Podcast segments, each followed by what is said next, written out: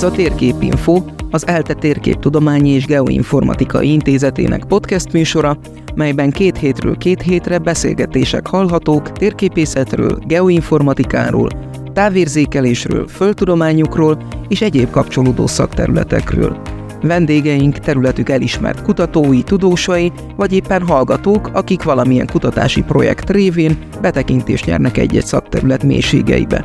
Én Pál Márton tanársegéd vagyok, és podcastes csapatunk nevében remélem, hogy érdekes és értékes tartalommal tudunk szolgálni.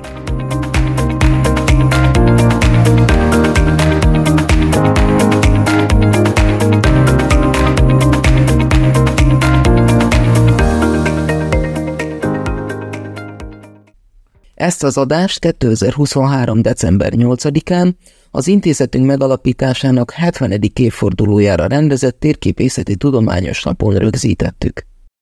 Következő előadónk Erkovics Krisztián lesz. A programban és a meghívóban úgy szerepel, hogy Kerkovics Krisztián adjunktus, december 1-től Kerkovics Krisztián egyetemi docensi kinevezést kapott, úgyhogy majd ezt javítjuk, és egy, gratulálok kis Krisztiánnak, hogy sikeresen abszolválta ezt a előrelépést, és egy kis vetülettan következik, amit nem tudom, hallgatók, volt hallgatók mennyire, mennyire élnek meg rettegéssel, vagy ki az, aki azt mondja, hogy jaj, de jó, éppen erre, erre számítottunk, úgyhogy Krisztián, öné a szó. Köszönöm szépen. Hát először is akkor azzal kezdeném, miután az Erdei talán mindenkit jól megijesztett. Ez az a vetület, ami előadás lesz, ahol a diasorban egyetlen darab képlet sem szerepel. Ha véletlenül valaki talál egy képletet, akkor majd az előadás után beszélgethetünk erről. Ugyanis a, pont azért, hogy a hallgatóságot ne terheljen meg annyira, hiszen az óráimon, vagy akik már idősebbek, azok Györfi tanár, vagy Steger tanár órái már végszenvedték a matematikai részleteket. Egy vetülettan történeti kutatással jöttem, Appiánusnak mindenki, aki végigcsinálta a kurzusaimat, a Györfi tanár kurzusait, tudja, hogy kettő darab térképvetülete van, az Appianus 1-es és az Appianus 2-es elnevezésű térképvetület. E, azt kell tudni, hogy az előadás végére megtudjuk, hogy lelövöm a poét, a, sem az Appianus 1-es, sem az Appianus 2-es térképvetület nagy valószínűséggel nem Appianus vetület. Hát nézzük meg egyáltalán miért is uh, alakulhatott ki ez a probléma. Mindannyian tudjuk, hogy vetület, térkép vetületből nem 10 darab van, de még csak nem is 50, úgyhogy valamilyen módon tudnunk kell őket azonosítani. Hát jön az első ötlet, próbáljuk meg őket beazonosítani az alapján, amilyen torzulási tulajdonságokkal rendelkezik az adott vetület. Például nevezzük el egy vetületet úgy, hogy igazi képzetes kupvetület, hossztartó középmeridiánnal és hossztartó paralelkörökkel. Már is látjuk, hogy egy kicsit hosszúkásra sikerült a mire sikerült egyértelműen azonosítanom azt a vetületet, amelyet mindenki csak Born vetület néven ismer. Vagy itt található a másik példa, terület tartó pólusvonalas képzetes hengervetület színuszíves meridián képpel. Hát, na ez vajon melyik vetület lehet? mert mindjárt, aki egy kicsit jobban ért a vetület ahhoz, az kapásból kettő vetületet is fog tudni mondani, amelyik ennek a feltételnek megfelel, mert ugyanis Eckertnek a Wissenschaft korábban említett művében megjelent hatodik ö, térképe, az pont egy ilyen térképvetületet mutat be, azonban Vladimir Vladimirovics Kavralski hatodik sorszámú szintén vetülete, az ugyanilyen tulajdonságokkal rendelkezik. Első ránézésre ugyanúgy néz ki a két térkép, de aztán ha megnézzük alaposan a matematikai leírást, vagy a foghálózatnak a beosztását egymásra vetítjük, akkor kiderül, hogy nem éppen ugyanarról a térképvetületről van szó. Úgyhogy ez a leíró nevezéktal, ez látjuk, hogy teljesen használhatatlan. Helyette vezettük be azt, hogy a feltalálójáról nevezzük el a vetületeket. Ha egy feltaláló úgy gondoljuk, hogy ő több vetületet alkotott, akkor a megalkotás sorrendjében római számokkal beszámozva. Csak hát itt jön a következő probléma, ugyanis Kavrajszkinak a hatodik vetületét, azt ugyan Kavrajszki teljesen önállóan vezette le, azért, mert nem olvasta el az ő műve megjelenése előtt mindösszesen négy évvel korábban keletkezett doktori értekezés, amelyben Karl-Heinz Wagner pontosan ugyanezt a vetületet vezeti le, úgyhogy igazából jogosan őt Wagner egyes vetületének kellene nevezni. És hát jön a következő probléma, ugye a színuszíves, közismert, képzetes Henger vetület, Mercator Szalszó vetülete, ez ugye már kapásból a névnek az elterjedése is utal arra, hogy mennyire problémás ez a szerző alapján történő megnevezés is. Mercator Szarszó vetületet sokáig Szarszó Flemsteed vetületnek neveztük, mert először azt gondolták, hogy ez Flemsteed találta föl, aztán észrevették, hogy jaj, nem, hát korábban már Szarszó is alkalmazta ugyanezt a vetületet, aztán utána valaki meg rájött, hogy jaj, nem, hát korábban Berkától. Aztán most meg még újabban, 1993 a Snyder kimutatta, hogy ja, de Berkától az mégsem.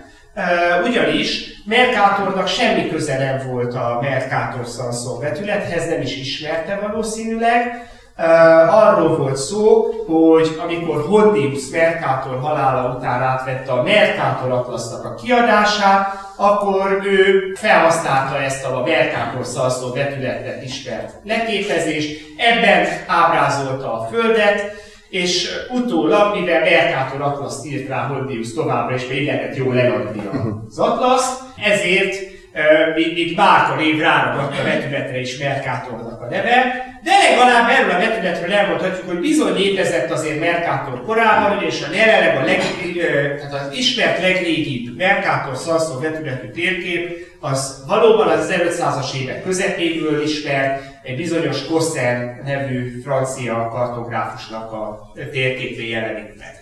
Na hát akkor térjünk rá a mai előadásnak a tárgyára. Appianus az egy német uh, csillagászati, a matematikusnak, a csillagásznak mondhatnánk ma. Ugye nyilván ebben az időben a tudományágok még annyira nem voltak szétválva. Uh, ő neki a becses neve különben Péter Dienwitz lenne, azonban ugye a reneszánsz idején jellemző volt a latin tudományos nevek felvétele, és ő Petrus Appianus néven publikált. Látjuk a születésének és a halálának a valószínű időadatait, ez majd később fontos lesz. Jegyezzünk meg ebből annyit, hogy az 1500-as éveknek a legelején élt, és akkor nézzük meg, hogy milyen térképet alkotott. Hát megvizsgáltam, Appianus számos kozmográfiát adott ki, különböző szép kivitelű csillagászati könyvei vannak, és ezekben a kozmográfiákban különböző kivitelben, de térképvetület szempontjából mindig ugyanez az ábrázolás köszön vissza. Világ térképet ebben a térképvetületben látjuk a, megvizsgáljuk a vetület foghálózatát, akkor érdekes módon nem Appianusnak valamelyik vetületét látjuk, ez első ránézésre is látszik, ugyanis Appianusnak tulajdonított egyes és kettes vetület, az valójában egy nevezett képzetes Henger vetület, amelyben a szélesség körök azok nyílegyenes vonalak, hát ebben elég és régen kellene néznem a térképet, hogy nyílegyenesnek lássam a szélesség köröket a, megvizsgáljuk a foghálózatnak a képét, akkor itt valójában azt látjuk, hogy Ptolemaiosnak a második vetületét veszi át. Ezt igazából, ha megnézzük a e, térképnek a feliratát, akkor látjuk, hogy a Ptolemaiosra valóban hivatkozik is a feliratban, úgyhogy ő maga is elismerte, hogy ez a Ptolemaiosnak a geografikája alapján lett összeállítva ez a térkép, tehát ő is úgy gondolta, hogy a Ptolemaiosnak az ábrázolási módszerét viszi tovább. Annyi továbbfejlesztés persze történt, hogy, mint látjuk, a több zónára van osztva a térkép, a meridiánok bizonyos helyen megtörnek, az összeillesztések között különböző, vagy ma úgy mondanánk, hogy különböző normál szélességköröket választott meg, ez a, különben a kornak egy ilyen divatja volt, időben egyre több normál szélességet választottak, aztán előbb-utóbb minden szélességkör hossztartóvá vált, és így keletkezett a bolvetület. Tehát ez egy ilyen átmenet a Ptolemaios vetület és a bolvetület között. Hát ezzel szemben az Appianusnak tulajdonított térképvetületek, ezt így, ha az ember megnézi, ezt akár el is lehetne helyezni ezt a két térképet egy ilyen rejtvény újságba, a Keressük meg az öt különbséget uh, címmel, ugyanis első ránézésre, de még talán harmadikra is két egyforma térképet látunk. Itt van egy harmadik kakuktojás, ami szintén elég hasonlóan néz ki, bár némiképp különbözik tőle, Első ránézésre képzetes hengervetületnek tűnik szintén, azonban akik már e, hallgattak nálam előadást, azok tudják, hogy itt valójában az ortografikus vetületnek a transzverzális elhelyezéséről van szó, és az magát úgy játszázza, mintha ő is képzetes hengervetület lenne. Ezért, amikor az ember képzetes hengervetületeket kutat, nem szokott ott lenni a határozó listán, hogy amúgy van egy ilyen is, mert ugye az ortografikus vetület az egy perspektív vetület. Na hát, ha megnézzük a különbségeket, akkor azt látjuk, hogy nagyon apró különbségek vannak Appianus 1-es és 2-es vetületek között. A, különösen a magas szélességekre kell mennünk, hogy lássuk a különbséget. Az Appianus 1-es vetületében a hosszúságköröknek a képei azok körívek, ezzel szemben a kettes középen látható vetületben a hosszúságkörök képei azok ellipszisívek. A, mind a kettő ö, vetület esetén a meridián az egyenlítőt, illetve a paralelkörök a középmeridián egyenletesen, egyenletesen osztják föl. Azonban a többi szélességkört, ha megvizsgáljuk, csak az Appianus 2-es vetülete esetén látjuk az egyenlő felosztást, ezzel szemben az Appianus 1-es vetületén azt látjuk, hogy a középmeridián közelében kicsit, mintha sűrűbben helyezkednének el a hosszúsági körök képei, aztán a távolodunk a középmeridiántól, ott a pólus mentén 80 fokos szélességkört érdemes megnézni. Például ott egyre inkább ritkul a meridiánoknak az osztás köze. Nagyon hasonlót látunk a transzverzális ortografikus vetület esetén is, ahol szintén ellipszisi alakú meridián képekkel találkozunk, és itt uh, is a megfigyelt egy ritkuló sűrű, uh, sűrűsödő meridiánkép hálózat, azonban pont ellentétes előjellel, itt a középmeridián környékén vannak ritkábban a meridiánok, és attól pedig távolodva sűrűsödnek, illetve ebben a, ezen a vetületen a szélességi körök sem egyenlő távolságra helyezkednek el egymást. Hát ezeket akkor összetudja az ember uh, foglalni egy ilyen gyönyörű kis táblázatban, ahol meg lehet látni, hogy hol mit tapasztaltunk, és akkor ez alapján, a táblázat alapján tudjuk az egymáshoz három nagyon hasonló vetületet elkülöníteni egymástól. Itt még látszik egy ilyen kinagyított tábra, ahol nincsenek már a kontinensek partvonalai rajta, amelyek amúgy azért voltak az előző dián, hogy segítse megértenünk a torzulásokkal található különbséget, itt még jobban lehet látni az Appianus egyes vetületén, hogy a körívekből adódóan a pólusoknál ott hegyes szögben érkeznek be az egyes meridiánok a pólusba. Ezzel szemben az Appianus 2-es vetületében azt látjuk, hogy a félelipszis alakú meridián íve, azok teljesen pontosan derékszöget zárnak be a középmeridiánnal, ahogy a pólusba beérkeznek. Na és hát e, itt látjuk a jelenleg ismert e, legrégebbi előfordulását az Appianus 1-es e, vetületének. Ez Pápai professzor úr közölte le két évvel ezelőtt egy cikkében, hogy ő ezt találta ostobban, és írt erről egy jó hosszú cikket, amelyben a térkép keletkezését 1505-re datálta, illetve a különböző levelezésekből még azt sejtette, hogy a térkép az valószínűleg már létezhetett egészen 1500-ban.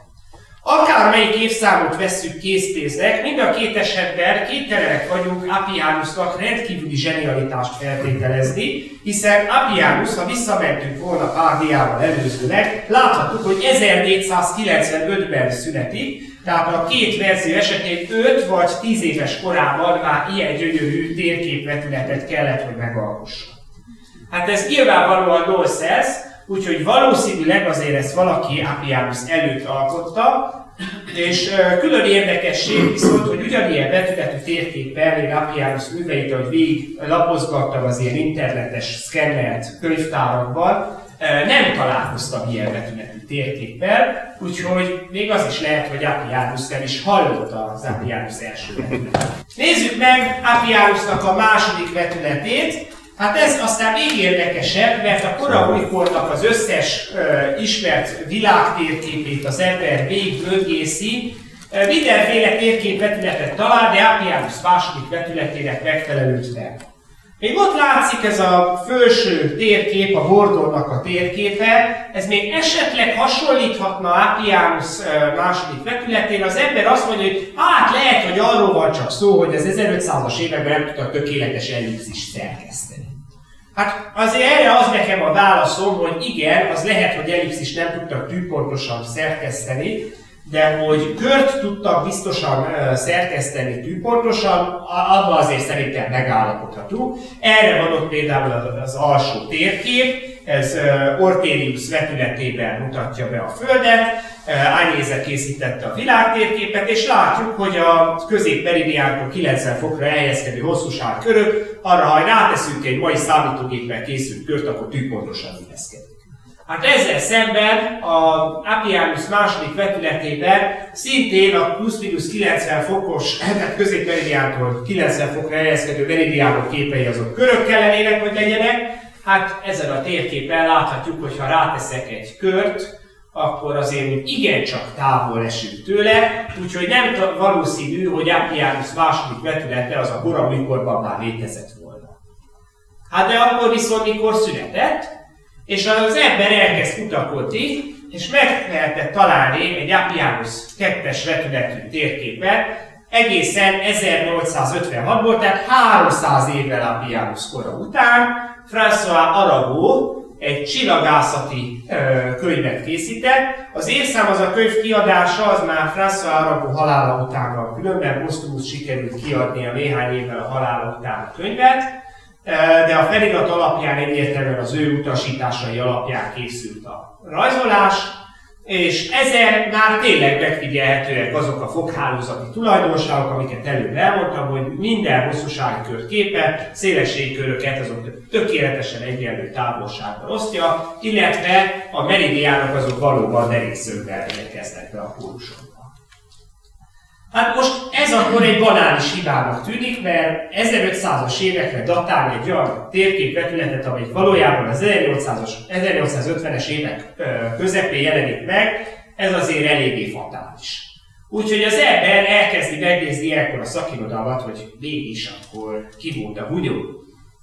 Hát a korai vetülettani szakirodalom az 1800-as években, ezt alapvetően a Avezák de uh, vetülettan történeti művével kezdődik, ő Appianusnak az első vetületét említi, és Appianusénak nevezi. Viszont Appianus második vetületéről helyesen nem tesz említést, hiszen az az ő korában még nem létezett.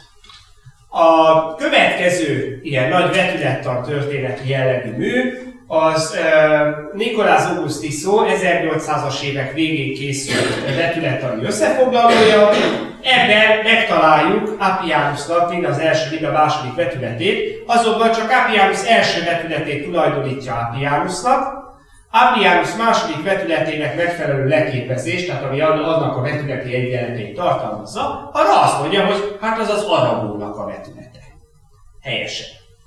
Ezután Tiszó művét Ernst Hammer néhány év múlva lefordítja németre, mert felismeri azt, hogy ez a vetülettan paradigmája szempontjából mennyire fontos. És Ernst Hammer fordításában viszont már Appianus vetületekét olvasunk mind a két leképezésről, tehát az ellipszis éves, az Arago féle leképezés is uh, Appianus vetületekét szereti. Hammer megjegyzi, hogy ő nem teljesen szolgai módon fordította le Tiszó művét, hanem ahol Tiszó hibázott, Hammer szerint, ott ő kiavította a munkáját, és erre a konkrét változásra viszont semmilyen forrás nem jelöl meg, tehát a legjobb feltételezésünk az lehet, mivel más kortárs irodalom vagy nem említi ezt a vetületet, vagy arabó vetületekét említi, hogy itt Hammernek valami saját kutatása lehet. Feltehetően ő végig lapozhatta a uh, Appianusnak valamelyik kozmográfiáját, és bizony látni benne olyan uh, térképeket, ahol a meridiánok gyönyörű ellipszisív képűek, a szélességkörök pedig párhuzamos egyenes. Igen, ám csak hogyha megnézi az ember azokat a térképeket, akkor ott a transzverzális ortografikus vetületnek az osztás közeit lehet megfigyelni, ez a középponttól távolodva folyamatosan sűrűsödik. Úgyhogy azt feltételezhetjük a jelen ismeretek alapján, hogy Hamlet valószínűleg félrehatározta a transzverzális elhelyezésben az ortografikus vetületet, na ezért kell jó vetülettal tanulni, hogy ilyen hibákat ne el. Hát lehet mondani, itt egy 300 éves hibáról van szó, mit érdekel ez minket? Visszacsatolok Pápai professzor úrnak a korábbi cikkére, amelyben leközölte azt, hogy a Vespucci-nak tulajdonított térkép, ami 1505-ben jelenik meg, hogy ezt vajon hogyan alkothatta meg Vespucci. És Pápai előállít egy szerkesztési utasítást, amelyen azt állítja, hogy ezzel mi visszakapjuk a Vespucci térképnek a foghálózati vonalait. Na már most, ha az ember pápai professzoroknak hisz, és elkezdi szolgai módon végrehajtani az ő szerkesztési utasítását, akkor nagy meglepetéssel nem az Appianus 1-es, hanem az Appianus 2-es, tehát az Aragó féle vetületnek a foghálózati képét fogja megkapni.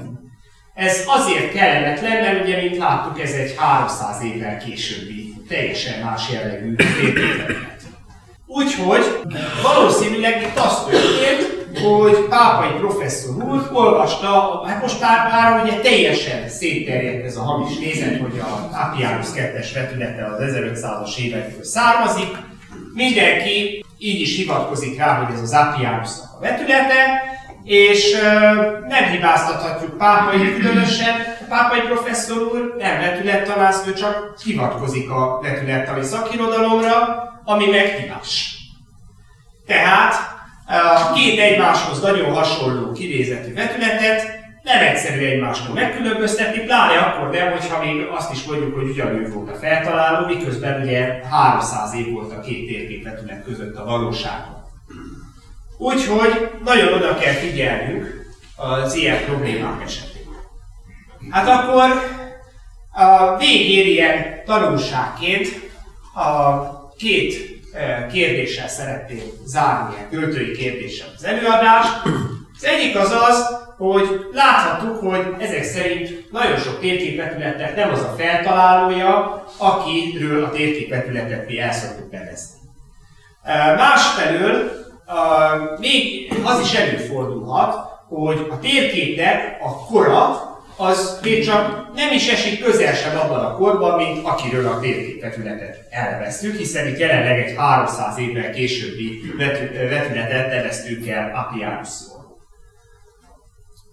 Lesznek még esetleg további csontvázak, amelyek kiesnek a szekrényből? Valószínűleg lesznek de akkor viszont ez azt jelenti, hogy az a paradigma, hogy a térképek, térképvetületek föltalálóiról nevezzük el a térképvetületeket, ez mintha nem lenne tartható, hiszen akkor most innentől kezdve a jelen tudomány állása szerint úgy kellene hívnunk Caprianus első és második vetületét, hogy a Vespucci vetülete, meg az Aragónak a vetülete. De nem fogjuk tudni az egész szakirodalmat ezzel így forradalmasítani, és különben is aztán lehet, hogy még ez a nézőpont is túlhaladottá válik az időben, tehát ezt most csak jelenleg így gondoljuk, aztán később még további bizonyítékok derülhetnek ki.